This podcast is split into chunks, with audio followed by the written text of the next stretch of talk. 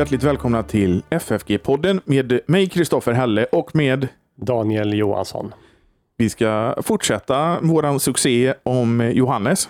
Succé vet jag inte om det är, men det är ett intressant ämne som vi samtalar om i alla fall, tycker jag. Ja, Och vi har den- fått en och del feedback. Ja, Mm. och jag har bara fått positiv feedback. Ja, det är roligt. Mm. Vi kanske ska påminna om lite saker. Just det, och närmast nu, det är ju bara om ett par dagar. Eh, På måndag. Mm. Eh, Den 17, nej 18, Just det, 18 i 9 Mm. september. Klockan, 17. då börjar församlingsfakultetens 30-årsfirande. Ja, det kan man väl säga. Eh, vi kommer ha en, en, eh, ett par föreläsningar om det. Och det är också där, där vi påminner om vår historia och eh, ja, också vår, vår bibelsyn. Eh, och så är det också starten på kvällsbibelskolan den här terminen. Och det börjar klockan 17, så hjärtligt välkomna på, på det. Är det anmälan på det? Eh, det är det inte, Nej. utan det är öppen föreläsning. Eh, sen så har vi en eh, bibelhelg 13-14 oktober om Saltaren. Mm. Då är det anmälan däremot, så det anmäler man till info ffg.se. Ja. Och då blir det Saltaren som sagt ja, med vår lärare i Gamla Testamentet Jonathan Ådahl och med vår rektor Torbjörn Johansson. 13-14 oktober. Sen, Så har vi fakultetens dag. Den kommer också gå i, i, i så att säga firandets tecken eh, där vi kommer att reflektera över de 30 åren som varit och, och tiden framöver och ha föreläsning i anslutning till, till bibelsynen. Och den äger rum den 11 i 11 klockan 11 höll jag på att säga. Vad hände då? Ja, då var det vapenvila i första världskriget. 1918. 1918. Men nu är det 2023. Det är 11 i 11. Det är en lördag. Klockan 13 började faktiskt. Och vad händer då? Eh, fakultetens dag menar du? Ja, vad, vad, vad, vad händer? Det, det är öppen föreläsning. Alla är varmt välkomna att, att delta. Den här gången blir det med, med fakultetens egna lärare som kommer att eh, lite kortare föreläsningar än vanligt. Det kommer dels handla som, som, som jag redan sa om bibelsynen eh, och, och lite små eh, fallstudier kan vi säga. Och så blir det eh, reflektion kring tiden som varit och tiden framöver. Tror du alla lärare på FFG kan hålla sig kort? Eh, det kan de om de vill. Så frågan är om viljan finns där. Ja, men det, det finns allt, då finns det någon som får hålla efter dem och en klocka som styr det hela. Vad bra. Man kan också ge ett bidrag till församlingsfakulteten och den här poddens arbete på Swish. Ja, det kan man. 123 100 8457. Ja. Och hur märker man det? Då skriver man dit FFG och så skriver man till exempel gåva eller, eller podden. Eller Ja. sånt. Och då kommer det fram. Det viktigaste är att man skriver FFG i alla fall så kommer det fram. Ja. Det finns också i avsnittsbeskrivningen och på vår hemsida ffg.se. Där finns också andra sätt hur man kan vara en del av församlingsfakultetens arbete.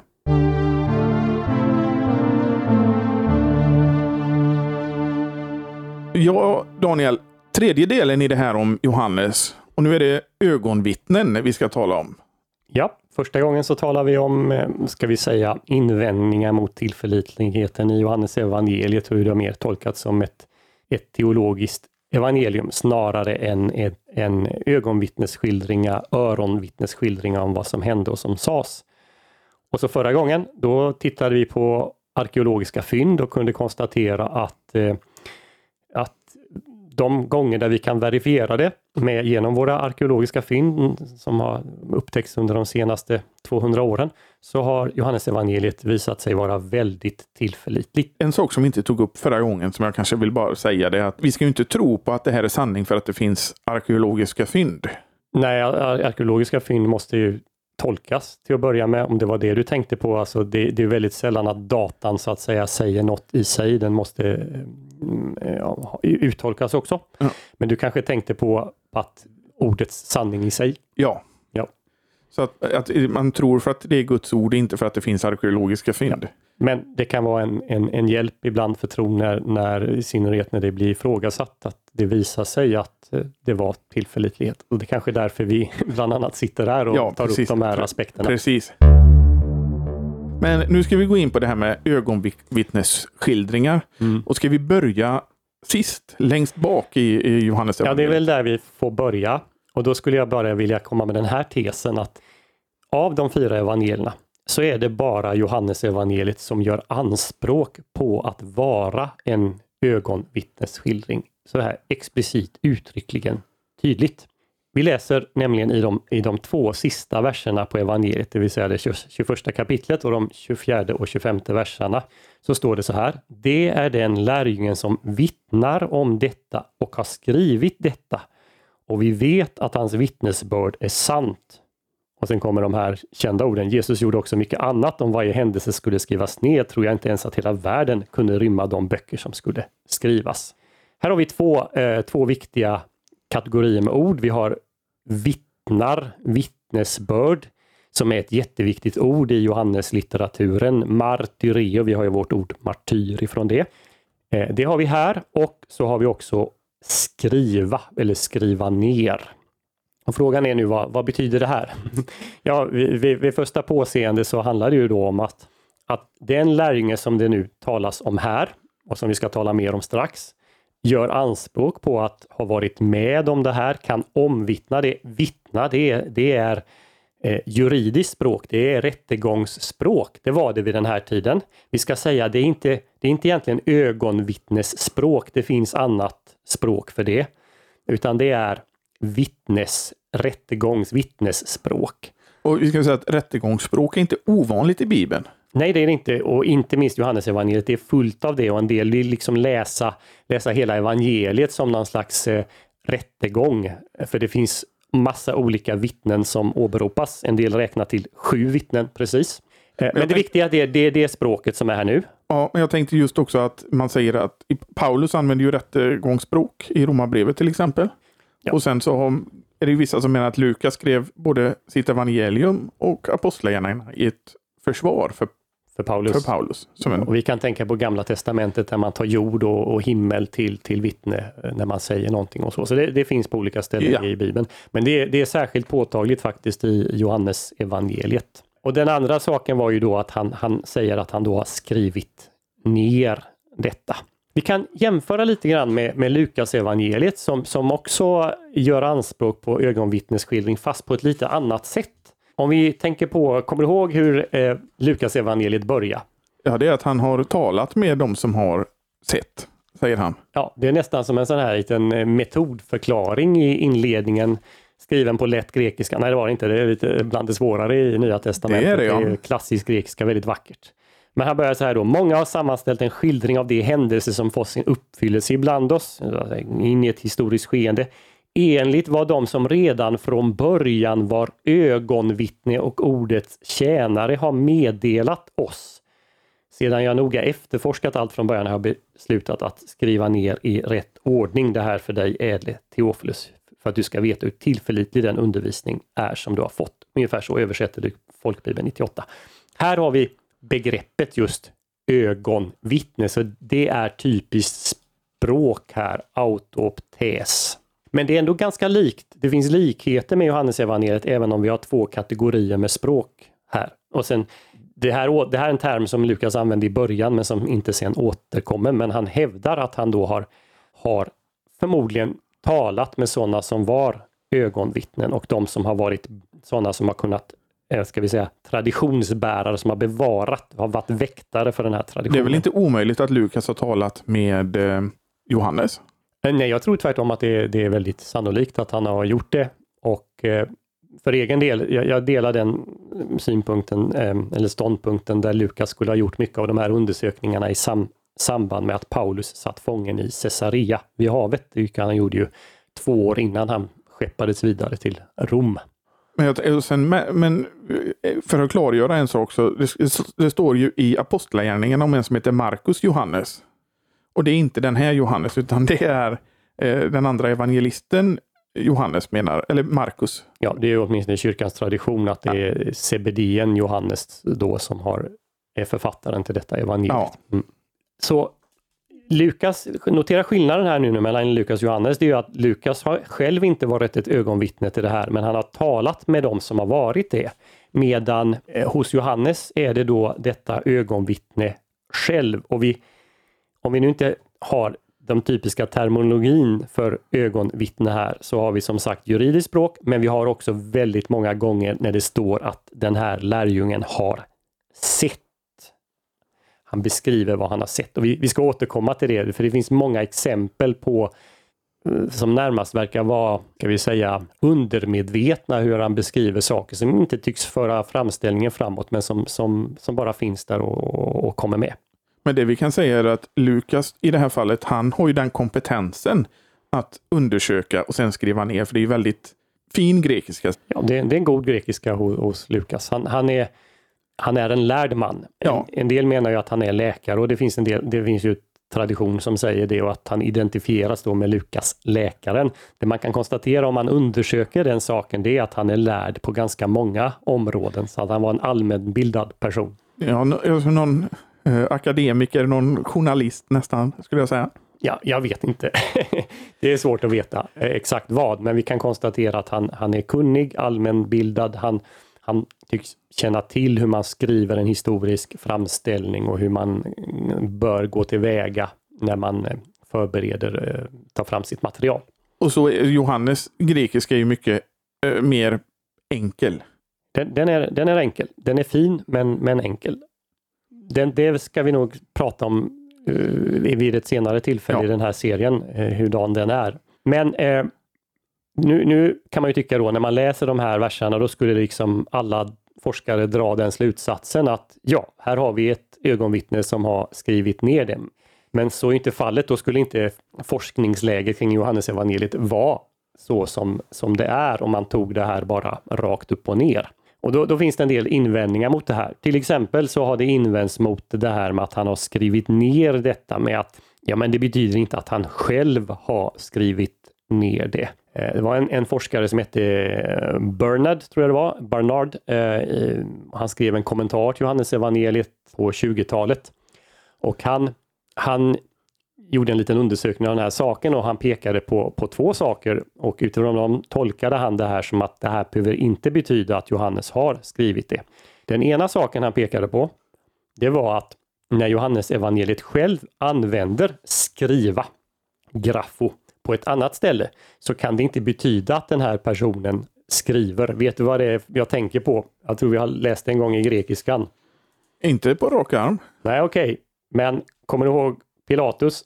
Ja. ja. Han har skrivit det han har skrivit. Han har skrivit det han skrivit. Vi tränade väl eh, perfekt ändå tror jag. Ja. Alltså han, det eh, reses ju invändningar mot vad han sätter för överskrift över, över korset då från Jesu motståndares sida. Och då, då säger Pilatus att vad jag har skrivit, det har jag skrivit. Och då är det väl, om vi nu vet hur den romerska administrationen och så fungerade, så är ju en naturlig invändning här, ja men Pilatus själv kan ju knappast ha skrivit det utan då hade han någon sekreterare eller någon som var kunnig i att skriva som skrev det. Och så ska vi översätta att, att Pilatus kanske lät skriva ner det snarare än att han skrev det själv. Och det är ju en, en relevant invändning. Men man får inte övertolka den. För det var ju helt klart så att det var Pilatus som hade bestämt exakt vad som skulle stå på den. Och så lät han förmodligen någon kunnig eh, skrivare skriva ner det. Vi har, eh, det andra han pekade på då, den här forskaren, det var ju Paulus i breven.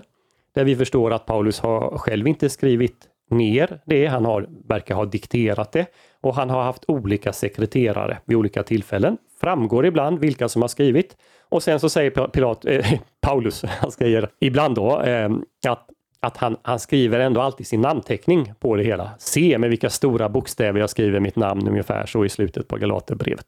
Men återigen, då, det betyder ju inte att den här eh, skrivaren har diktat ihop vad som helst utan snarare är det ju något som, som Paulus har, har dikterat. Möjligtvis har det kräv, klätts i lite olika, ska vi säga, grammatiska finesser och, och lite olika språkdäck, men, men innehållet är ju liksom Paulus. Så Bernard själv, han drog inte allt för stora växlar på det här vi kan tänka oss så här att, att Johannes kanske inte själv satt och skrev. Vi vet inte om han var skrivkunnig. Väldigt få personer var skrivkunniga på den tiden, så ofta dikterade man och så hade man en professionell skrivare. Jag vet att vi har ju talat med Mats Eskult här i podden om Jesus språk.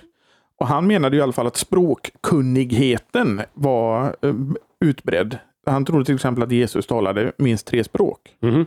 Så det kanske var mer läskunnigheten var, var större bland vissa. Eller ta, att man kunde tala, men att Ja, läskunnigheten ja absolut, var... absolut. L- Ta, att man kunde tala flera språk i en tvåspråkig region, det kunde nog väldigt många, men, men det betyder ju inte att man kunde skriva eller Nej, läsa. Och vi ska också komma ihåg att inte alla som kunde läsa kunde skriva och, och tvärtom. Vi tänker att läs och skrivkunnighet, det hänger liksom ihop.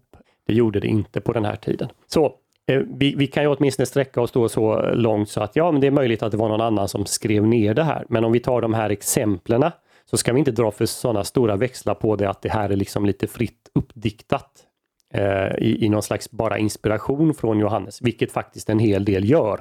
Utan exemplen som Barnard drar, de pekar möjligtvis på att någon annan har skrivit ner det, men det är väldigt tydligt att det är den här lärjungen som står bakom det här, en som har varit med. Och en annan sak man ska tänka på det är ju att det var inte lika lätt att bara gå och köpa papper och skriva ner någonting på den tiden som det är idag. Kostade oerhörda summor, Ja. så att man, man skrev inte utan, utan vidare.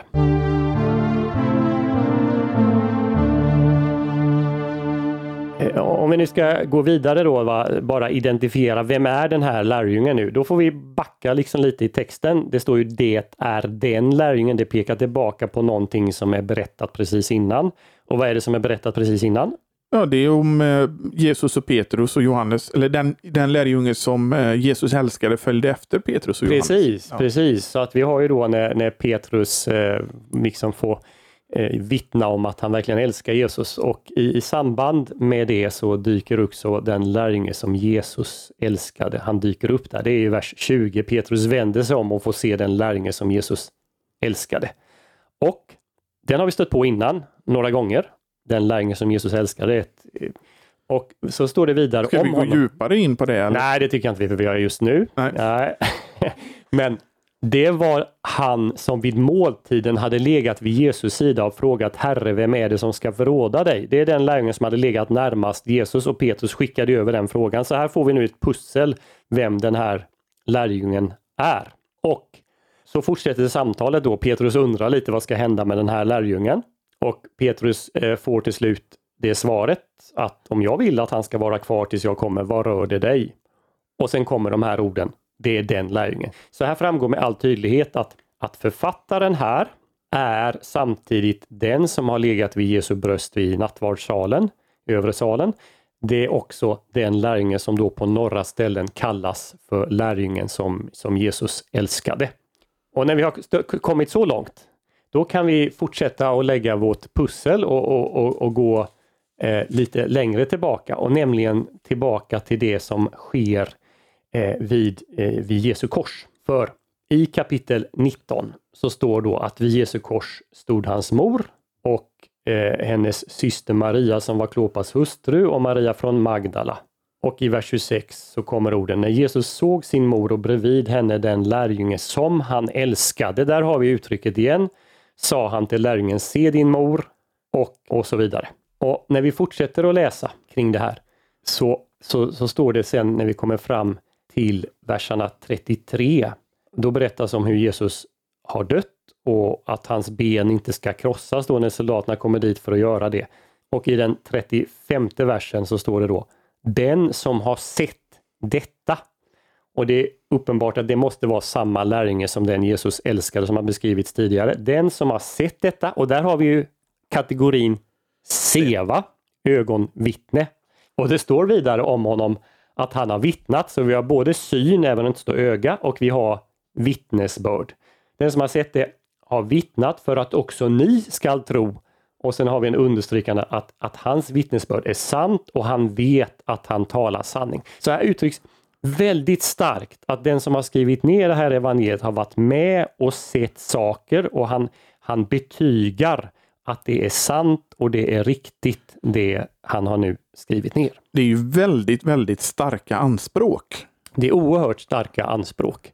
Så med tanke på de här starka anspråken så, så är det, alltså det är ett kraftigt ifrågasättande när man menar att den som har skrivit det här har levat långt efter Jesu tid. För annars, jag menar, det, det är så olikt allt annat Jesus säger så det måste vara på ett sätt någon slags utvecklad teologi och då antyder man närmast uppdiktat. Va?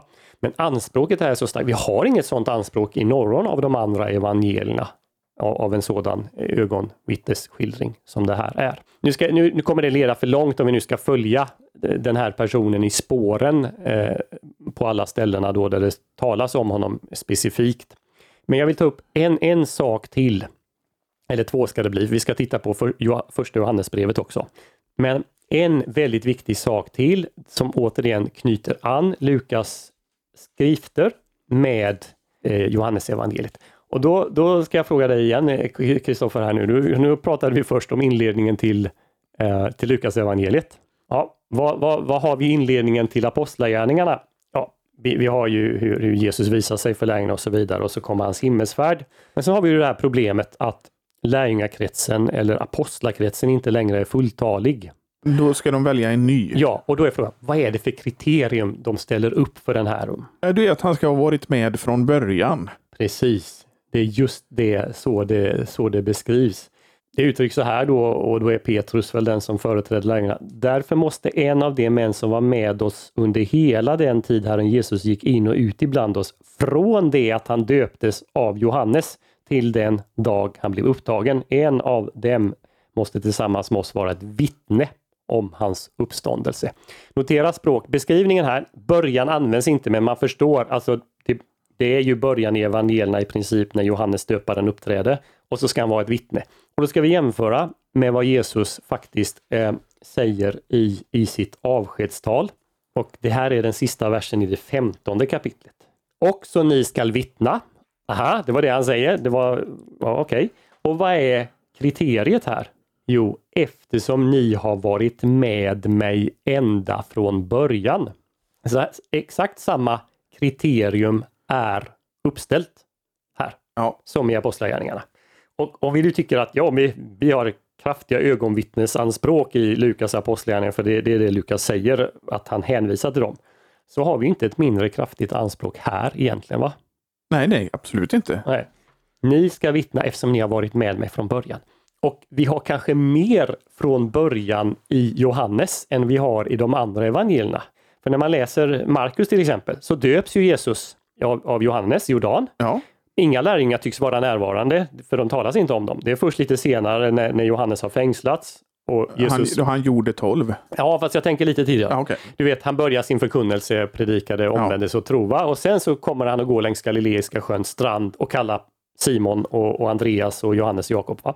Eh, de tycks inte riktigt vara med från början. Men vad är det Johannes evangeliet berättar?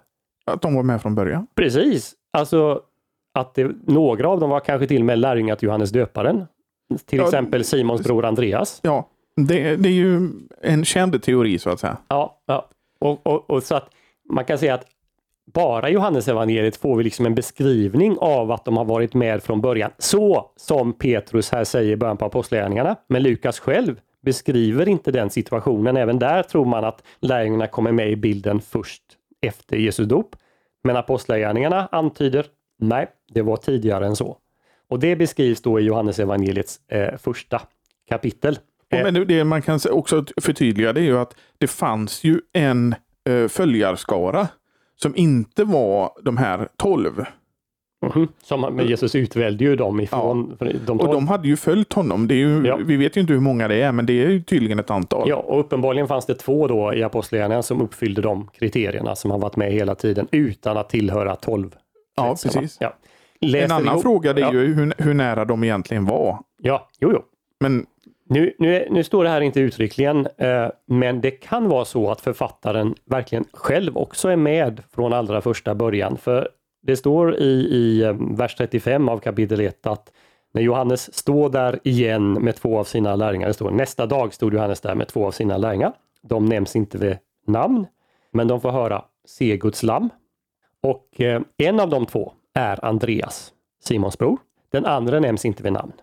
Det är mycket möjligt att den andra är just lärjungen som Jesus älskade. Vi men, kan inte veta säkert, men eftersom han är så stark på att han själv har vittnat om det här och, och, vitt, och exempel, alltså att Jesus säger att ni ska vittna eftersom ni varit med mig från början, så är det möjligt att det är författare. Jag har en liten invändning mot det då. Ja, att, eh, det, det sägs ju att Johannes var så ung. så skulle han redan vara lärjunge till Johan, skulle Johannes redan vara lärjunge till Johannes, så att säga, skulle han vara väldigt, väldigt ung. Ja, för, men för det första vet vi ju inte att Johannes var så väldigt ung. Det, det, är ju, det är ju implikationer som vi drar, dels av att han då enligt utsagor i fornkyrkan blev ganska gammal. Eh, men det säger ju ingenting riktigt om hur ung han var när han följde Jesus. Och sen var det det att han sprang snabbare än, än Petrus. Men även om du, jag menar, jag springer ju snabbare än dig, även om du är yngre än mig, så det säger ju ingenting om åldern, eller hur? Ja, det, det kanske det inte gör. Va? Men, men, ja, men väl, Okej, okay, om vi skämt åsido. Om vi nu tänker att, Jesus, att Johannes var en vem, ung vem efterföljare vill, till Jesus. Vem vill se två karlar i 40-årsåldern springa? men om, om, vi nu antar att han var det. Ja. Så jag menar, han, han, kanske då började följa Johannes döparen ett år tidigare innan han blev en lärjunge till Jesus. Ja. Eller så. så jag menar, Men jag det, det tycker jag inte är något argument. Jag vet exegeter som drar väldigt stora slutsatser av just den här språngmarschen. ja, jag tycker den är, eh, den är så underbar, den på olika sätt. Det är nästan så jag, jag drar på smilbanden när jag läser den för att han betonar så starkt flera gånger om att han sprang faktiskt snabbare än Petrus. Ja, jo, men det, det är lite ungefär som, eh, det är en sån överdrift som Markus gör att, hel, vad är det han säger, hela världen, eller alla, hela Israel blev döpta eller ja, någonting sånt där. Hela, Galilea, hela Jerusalem kom ut och så. Ja. Men här, han betonar verkligen det. det om man läser det på, på grundspråket så kommer det fram nästan mer än i svensk översättning. jag sprang snabbare än Petrus. Petrus. All right. Men eh, det spelar kanske inte en jättestor roll, men, men, men det, det är mycket möjligt att, att Johannes räknar sig själv bland de som var med där från början vid, eh, vid Johannes. Men jag kan tänka mig också att det är många som står där och tittar på Johannes, för det händer nog saker där. Det är liksom ett eh, event som samlar folk och tittar jo, på vad det är för folk. Vi vet att han fick lärjungar. Det berättas ju om en del ja, ja. om lärjungarna i apostlagärningarna. men det ser vi också att de frågar att Johannes hade stort genomslag. Frågan är, ni döpta? Ja, med Johannes dop säger de, och det är ju i mindre Asien. Ja. Så visst hade han genom, och vi talade om Josefus. Josefus. Ja. Berättar om det. Mm. Mm. Men det här anspråket på att ha sett nu, det dyker upp på flera ställen och det kanske allra mest kända är ju 1.14 ordet blev kött och bodde ibland oss och vi, så, och vi såg hans härlighet. Där har man ju också ett anspråk på att man själv har varit med och sett. Mm, det, men det stället jag tänkte närmast på det är ju inledningen på första Johannesbrevet som också understryker hur det här starka att man har varit med. Och här är det inte bara ögonvittnen och hörvittnen utan det är också rörvittnen.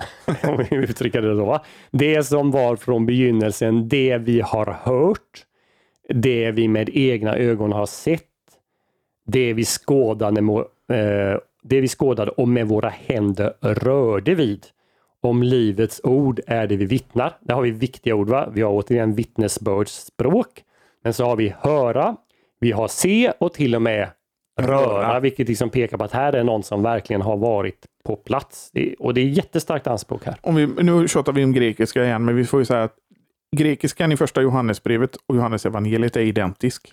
Ja, det, det, är väldigt likt språk. Ja, alltså det, om, om man nu bara har läst grekiska i Nya Testamentet så ser man att de här två texterna de, de hänger ihop. Ja. Men som sagt, eh, återigen de här jättestarka anspråken på att ha varit med där och då. Nu tänker jag, nu reser du kanske en invändning här. Vad då vi? Ja, precis. det är ju din fråga vad, vad, betyder det här vi? Ja, är det... Det, ett är att de var fler. Ett alternativ är att de var fler. Ja. Det andra är att de var kungliga så de blev heter det pluralis majestätis. Ja, just det. Eller vad har vi mer? Gamla av... Jag tror jag skrev så i min första uppsats. Du vet när man, man, man skriver inte jag argumenterar för det här utan, ja. ja. nu ser vi utan vi säger nu ser vi det här, nu gör vi det här, att man liksom talar tillsammans med, med den som läser. Mm. Det, det är ju en möjlighet. Det finns lite olika varianter på hur man ska förstå viet. En gammal som jag lite har viss sympati för, men det, det, det är Karl Bornhäuser, en tysk forskare. Han menade att att Johannesevangeliet är egentligen de tolv apostlarnas vittnesbörd. Så när det står vi så är det Johannes tillsammans med de övriga apostlarna. Det låter ju väldigt fint. Ja, det gör det. Och det finns ju flera ställen. Vi såg hans ärlighet. Ja. ja vilka såg det? det ja, de som var med. Eh, om det här nu syftar på hela hans jordeliv eller specifikt på säg, förklaringsberget. Ja, i pluras. Eh, men det kan ju också vara helt enkelt vara så, för det har vi exempel på i antik litteratur, att man kan emellanåt eh, tala om sig själv som vi. Alltså slutet var nu, detta är den lärjungen, där talade i tredje person som vittnar om detta och har skrivit detta. Och vi vet att hans vittnesbörd är sant. Det är fullt möjligt att det bara är Johannes som, som helt enkelt uttrycker sig så och det på samma sätt.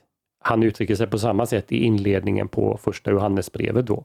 1.14 kan i ljuset av det också, att vi, vi såg hans härlighet, kan vara att han, han talar om sig själv.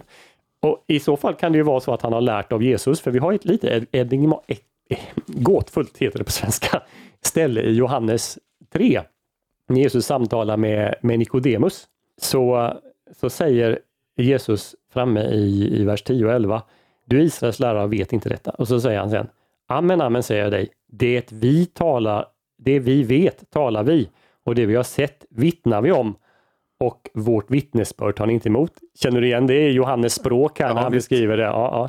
Så det, men, men så då vittnar han nu då om att Jesus talar, det vi vet talar vi om och det vi har sett vittnar vi om. Och här så finns det lite olika tolkningar. En är att Jesus säger det här tillsammans med lärjungarna, men med tanke på vad han talar om så tycks det vara något som han själv unikt har, har sett och talar om. Att Jesus här då skulle använda första person pluralis när han talar om sig själv.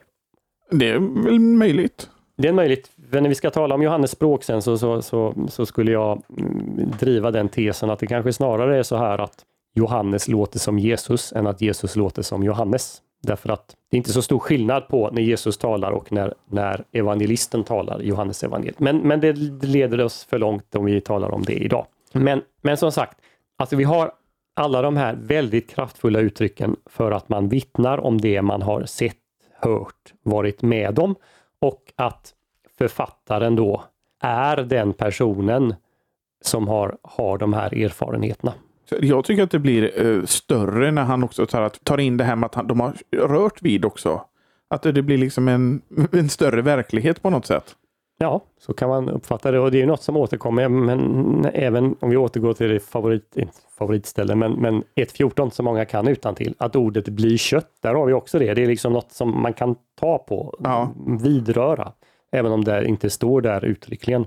Men om, om, man nu tar de här och inte liksom eh, försöker komma då med invändningar på varenda punkt. Jag tror här, här handlar det också om vad man har för utgångspunkt. Eh, är, är det är det möjligt att, att Jesus skulle kunna ha talat på det sättet som man gör i, i, eh, i Apostlagärningarna, eller vad säger jag, i Johannesevangeliet? Eller är det möjligt då för en, en som var med att, att ha en så utvecklad teologi om Jesus som skiljer sig så ifrån vad vi egentligen förväntar att Jesus skulle vara? Alltså, här beror det på vad man har för, för om man går in, skulle jag säga, med, med öppna sinnen utan förutfattade meningar om vad som är möjligt och inte möjligt och då har vi all anledning att ta honom på orden när han säger att han har varit en som har varit med och hört och sett det, varit med från början. Har man däremot tycker att det är omöjligt för Jesus är så totalt annorlunda i de synoptiska evangelierna, ja då, då kommer man med olika invändningar och försöker på något sätt. Finns en annan invändning att, att kapitel 21 egentligen inte tillhörde evangeliet från början, så det är någon annan som har skrivit det här andra och sen men, har vi ögonvittnesanspråken i kapitel 21. Ja, då kan men, man anföra det... argument emot det som visar att strukturen.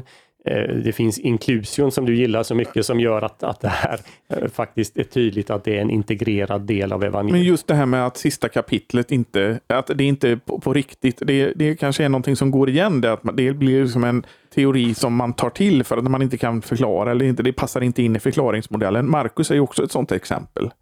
Mm, vad tänkte du då på? Att de säger, jag har sista kapitlet, ja. slutdelen där. Ja. Fast det är ju det är, det är en annan sak, för där har vi handskrifter som pekar i... Jo, men jag menar att det kanske det blir att, eh, att man kan ta till det, menar jag. Ja, ja. Jo, sen, sen, tar man inte till saker utan vidare, alltså man anför ju argument för dem och vi kan ju konstatera att, att kapitel 20 skulle kunna vara ett bra slut. Många andra tecken som inte har blivit nedskrivna i denna bok gjorde Jesus i sina lärjungars åsyn, men dessa har blivit nedskrivna för att ni ska tro att Jesus är Messias, Guds son och för att ni genom tron ska ha liv i hans namn. Ja, det hade varit ett perfekt slut. Och det tycker en del. Och att någon bara har hängt på slutet sen. Därefter uppenbarade sig Jesus en gång för lärjungarna vid Tiberias sjö. Jag menar, det är inte alltid taget ur, ur luften. Men det man men kan invända emot det... sig är, är ju koherent med de andra evangelierna. Ja, visst, visst är det det. Och eh, Men, men samtidigt får vi säga, ser vi på Johannes evangeliet som helhet så ger det här ju snarare den perfekta strukturen för vad har vi i början? Jo, vi har ju en, en prolog. En prologa. och även den epilog. balanseras ju då av en epilog, Epilog. som, som det här då Så, blir. då kan vi säga att det är också ett inklusio. Ja, men det kan vi på, vi- på då- sätt och vis säga det. Om vi går på Bokhams teori då så är det ju trippelt inklusio. Ja, Bauckham han argumenterar ju till och med, och jag tror det stämmer därför att det är, det är så många stavelser som det finns i prologen, som ju är poetiskt skriven. Lika många ord finns det i epilogen, som är historiskt berättande skrivet. Så att jag menar, det är ju knappast en tillfällighet och det visar så att säga på hur, hur de är integrerade i, i evangeliet. Eh, Men, men nu, nu har vi Nu sagt så här. förutsätter vi ju att alla vet vad ett inklusio är. Ja, det, det, är- det, vad är det då? Ja, Du gillar ju det mycket, Kristoffer. så nu får du förklara vad det nu är. vet jag inte om det är du eller Timo som har beskrivit det som en parentes. Ja, kan man säga. Eller, eller så på engelska brukar man säga att det är liksom pärmarna runt en bok. Ja. håller ihop den. I det här fallet då så är det ju eh, ögonvittnesskildringar i början och i slutet. Och i, i eh, Johannes fall så menar Richard Bokham i alla fall att det är två eh, inklusion. Ja, Så det är både Johannes och Petrus som blir inneslutna i det varandra. vill säga de, de nämns liksom här i början och i slutet. Men, men i det här fallet det kan man konstatera då att, att har vi en, en prolog i början så balanseras den väl av en epilog i, och sen så har vi så att säga själva hu- huvudtexten i, i, emellan då den större delen av, av boken. Helt eh, rimligt också med, eh, som Bokham också är inne på, den samtida litteraturen, hur man skrev. Ja, det finns fler exempel på det. Ett naturligt sätt, vi har ju fullt av sådana inklusio i, i, när vi kommer till argumenterande text, till, till brevlitteraturen och så. Och Ja. Det är så många gånger när man har ett anförande, man börjar med en tes, man utvecklar den och så upprepar man den för att den ska komma ihåg och så vet, fattar man att nu är man färdig.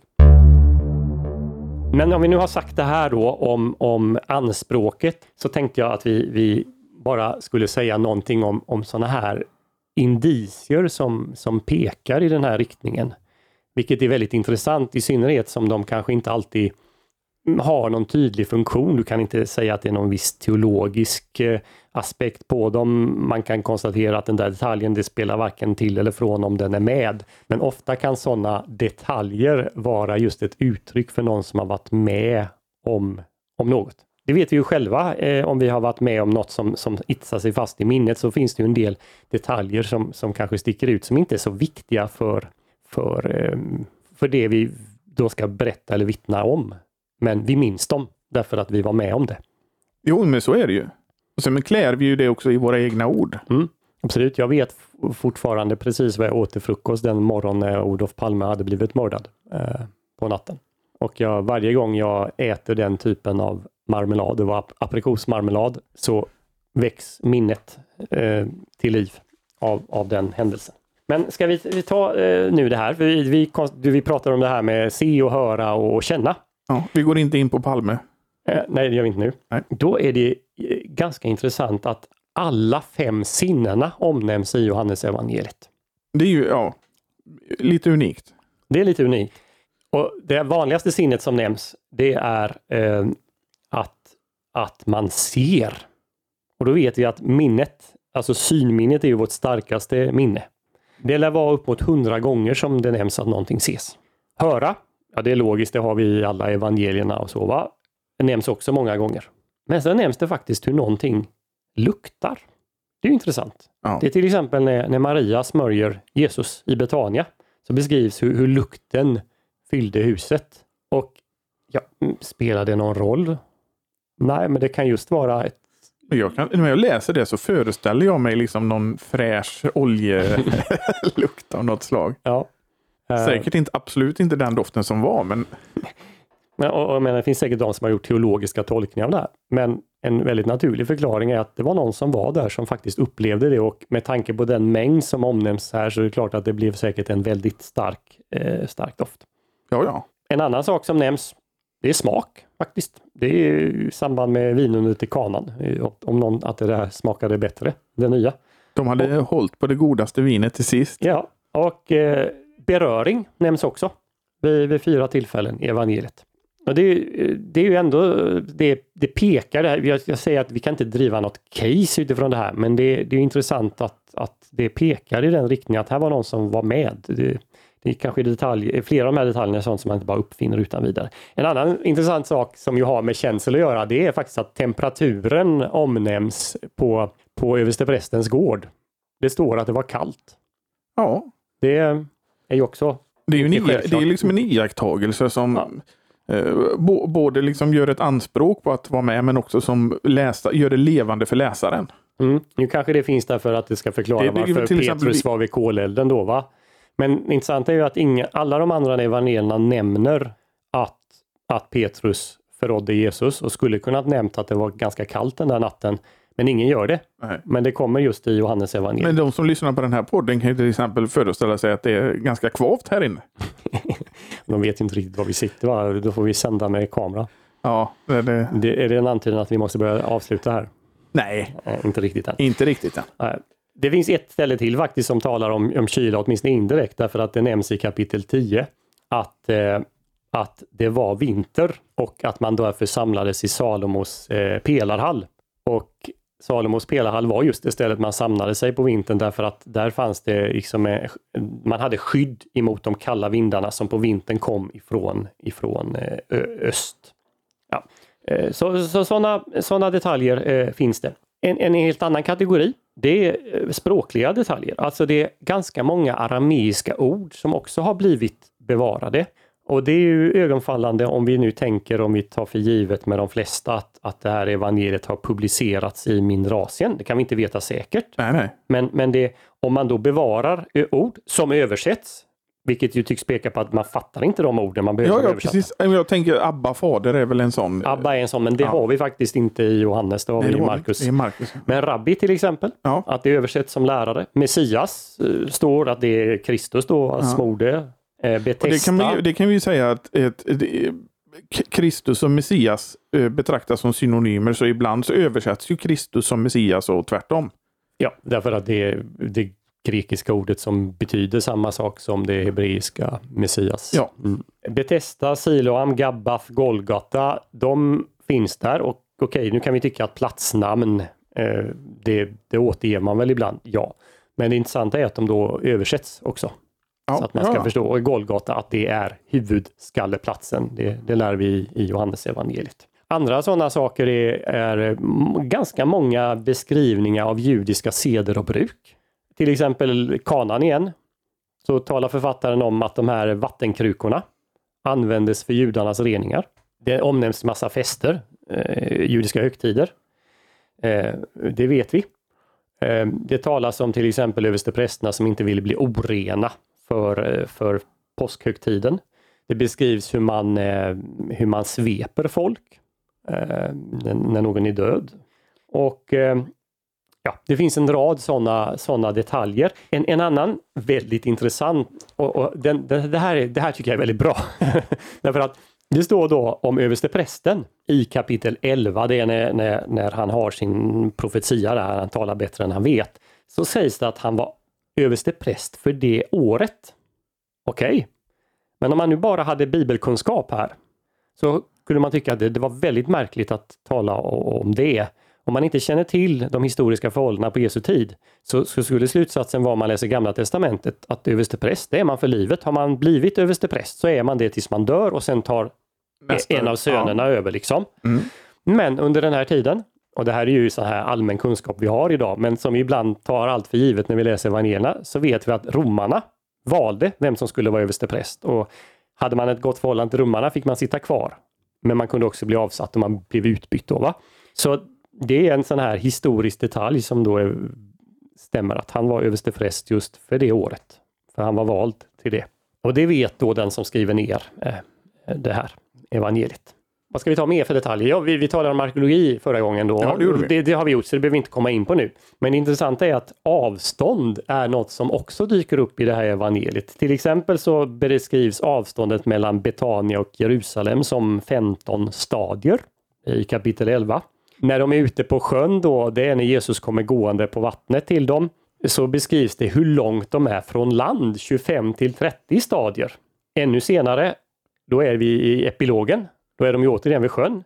Då står det att de var 200 pechon från, eh, från stranden, det vad det nu blir, cirka 100 meter tror jag. Alltså det är sådana detaljer som verkar oväsentliga egentligen, men som för den som var där och var med Eh, kan vara självklarheter att man är. Man kommer ihåg hur långt man var från stranden när man såg att Herren stod där på stranden.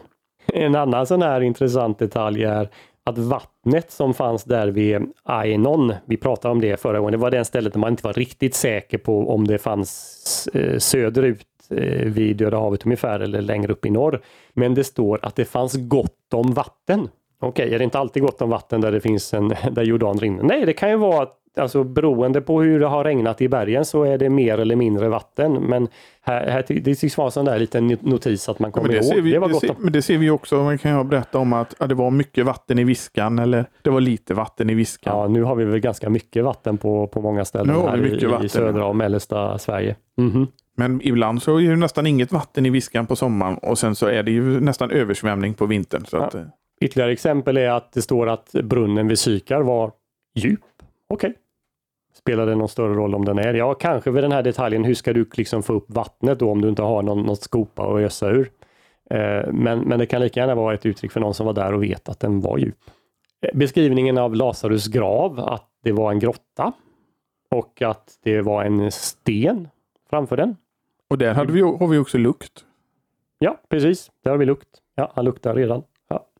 Så Alltså eh, så många historiska detaljer eh, som återkommer då som, som tycks ändå förutsätta någon, någon slags grad av, av eh, kunskap hur det verkligen förhöll sig. Ett annat område man kan tala om här det är vad gäller kunskap om eh, olika familjeförhållanden eller personer man känner.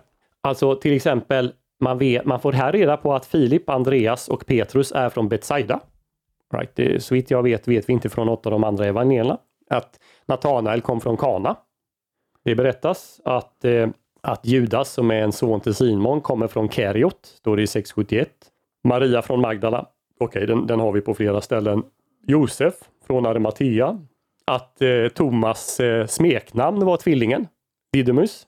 Och kanske mer, ännu mer iögonfallande att, att författaren har ganska god in, kunskap om den prästliga, översteprästliga familjen. Hannas Kaifas och så Malkus, den här som förlorade örat eh, och så, så en släkting till honom som dyker upp då på gården där när, när Petrus förråder Jesus. Återigen tycks inbegripa någon som känner till eh, familjeförhållanden och, och bakgrund till olika jag, jag personer. tänker just om vi tar då örat och Petrus. Så, så är den eh, generella tolkningen är väl att när Johannes har skrivit det så är Petrus död så då kan man namnge honom. Mm, det är en ganska vanlig tolkning. Ja. Men det kan ju också vara att han kommer ihåg för han var där. Ja, det, det... Och att till exempel då eh, Petrus inte vill erkänna det i Markus evangeliet eller? Men det är kanske inget man berättar. Om vi nu, då ska vi gå till Markus, vilket vi inte riktigt pratar om nu här, Nej. men de, de indicierna vi har i Markus evangeliet och, och anspråk som finns kring det här att, att det är Petrus Markus evangeliet är i hög grad vad Petrus har berättat och förkunnat eventuellt när han var i Rom. Och när du är i huvudstaden och du har begått ett brott, vilket det Petrus gjorde faktiskt var, så kanske du inte talar Nej, eh, högt och vitt och brett om det. Nej. Sen kan det väl vara, jag menar om det nu är nedskrivet relativt, ja, 66, 67 sådär, då, då är, har Petrus lidit martyrdöden. Ja. Men onekligen så vet ju den här personen vad han hette då som, som förlorade örat och det, det är svårt att hitta, vad jag vet, någon teologisk tolkning att det skulle vara något symboliskt utan Nej. snarare en, en ja, så vill jag inte tro att det bara är ett rent påhitt. Då. En beskrivande tillfällighet så att säga. Ja, ja. Eh, sista jag tänkte ta upp av de här eh, eh, sakerna nu då, eh, så vi avslutar för idag, det är, det är tid. Alla hänvisningar till tid. Eh, och, och då, då, finns ju en, en, det finns definitivt en symbolisk hänvisning av tid. Det eh, viktigaste skulle jag säga, det är att av Johannes evangeliet så kan man ju läsa ut att det är tre år. Ja, där har vi en. Ja, absolut. Det vet vi inte av något av de andra evangelierna, men, men, det var minst tre år utifrån de högtider som beskrivs, påskhögtiderna. Ja. Och anknytning till påsken då så skulle jag vilja anknyta till tid. Alltså min stund har ännu inte kommit. Stunden som man väntar på som är stunden när Jesus ska upphöjas, det vill säga korsfästas då. Och det säger där, där har det, ju, det finns ju en, en djup symbolisk ja. mening naturligtvis. Så det är inte den typen av tid jag nu tänker på. För, för det, det, det har symbolisk teologisk mening. Och det har ju bröllopet i Kana också. Ja, min stund har ännu inte kommit. Men det finns också mycket mer än i de andra evangelierna eh, referenser till en väldigt specifik tidpunkt. Att han kallade lärjungar att det var vid den tionde timmen. Det är knappast symboliskt. Eh, det vittnar snarare om att man vet ungefär när på dagen det var. Kvinnan vid brunnen, sjätte timmen. Ja, det är kanske en viktig detalj för då fattar man varför hon kommer ut eller varför det är viktigt att de kommer ut ensam, för ingen går till brunnen mitt på dagen när det då kan vara stekande sol och hett. Den, den romerska officeren i, i slutet på kapitel 4 där sonen botas, då, där nämns den sjunde timmen. Morgon nämns på flera tillfällen, eh, särskilt i samband med Jesu eh, död. Och, och, kväll är en annan sån tillfälle som nämns. Även, så det, det här är tidpunkt på dagen och sen har vi då dagar som räknas, att, att det sägs att något skedde samma dag, eh, att något sker tre dagar senare, att Lasaret har alltså varit död i fyra dagar, det är sex dagar före påsk och så vidare. Och sen har vi ännu större tid, nämligen år.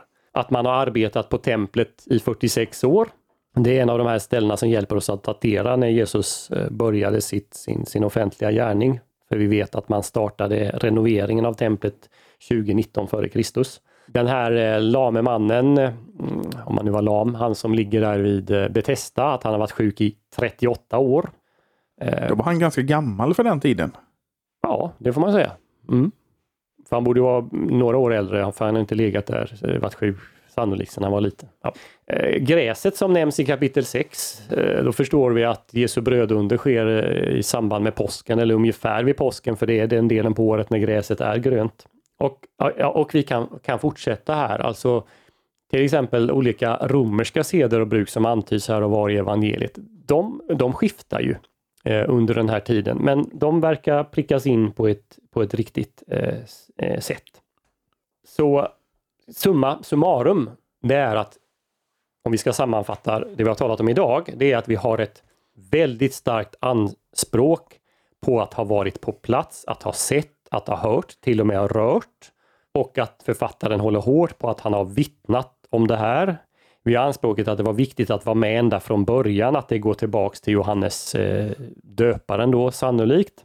Eh, och sen har vi alla de här små indicierna här och var, detaljer som inte tycks så, så jätteviktiga för berättelsen som ja, kanske till och med har kommit med på ett undermedvetet sätt, som då bekräftar att det här är skrivet av någon som var med. Och jag har inte, vi har inte ens nämnt alla detaljer här. Det finns många. Eh, en som är sådär som man borde nämna, det är ju vad Petrus och författaren får se när de kommer in i graven nämligen hur det i detalj beskrivs hur, hur svepetyg och hur, hur den här eh, huvudduken eh, är lagda där. Va? Att det ligger i ett område och att, att huvudduken eh, eller sjalen som har legat där är ihopvikt. Eh, det är sådana detaljer. Och kanske till och med antalet fiskar man fångar där i epilogen uppe i, i Genesarets sjö inte är symboliskt. Alltså man har försökt hitta 153, vad betyder det? Och så har man försökt hitta massa olika förklaringar. Det är, är det många som försöker göra sådana. Är det alla språk? Det kanske är bara så enkelt att någon som var med där räknade till att det var 153 stycken och så är det inte mer vi ska göra av det. Nu finns det de som kanske säger att det här är ju tråkigt nu om det bara är historiska detaljer. Man vill liksom, det här är det djupa evangeliet, det ska vara symbolisk betydelse man vill, allt. Man vill så mycket mer. Ja.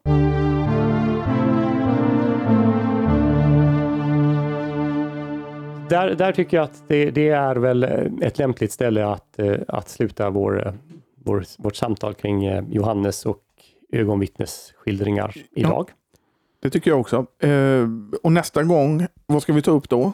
Ja, då tänker jag mm, avslöja bland annat att apostlagärningarna tycks avslöja vem som är författaren.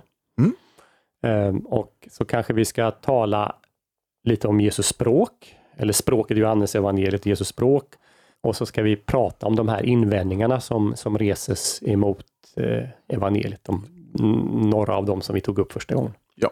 Vi påminner att om ni lyssnar på det här nu idag eh, när det här släpps så är det ju fredag. Och eh, på måndag så är det den 18 september. Mm. Och då eh, börjar församlingsfakultetens 30-årsfirande med en öppen föreläsning. Klockan 17. Klockan 17, så hjärtligt välkomna hit. Och jag tror att både jag och du är här. Ja, så, Deo volente får vi alltid säga om Gud vill. Ja, mm. så om man vill ha autografer och så, så kan vi ställa upp. Och det är som sagt ingen anmälan utan bara hjärtligt välkomna att komma hit. Och eh, vi påminde också innan om den 13-14 oktober så är det Saltaren och anmälan info.ffg.se. Och eh, den 11 i 11 klockan 13 så börjar fakultetens dag med föreläsningar och stort 30-årsfirande. Så hjärtligt välkomna då, ingen anmälan. Och vi hörs igen nästa vecka. Hej då!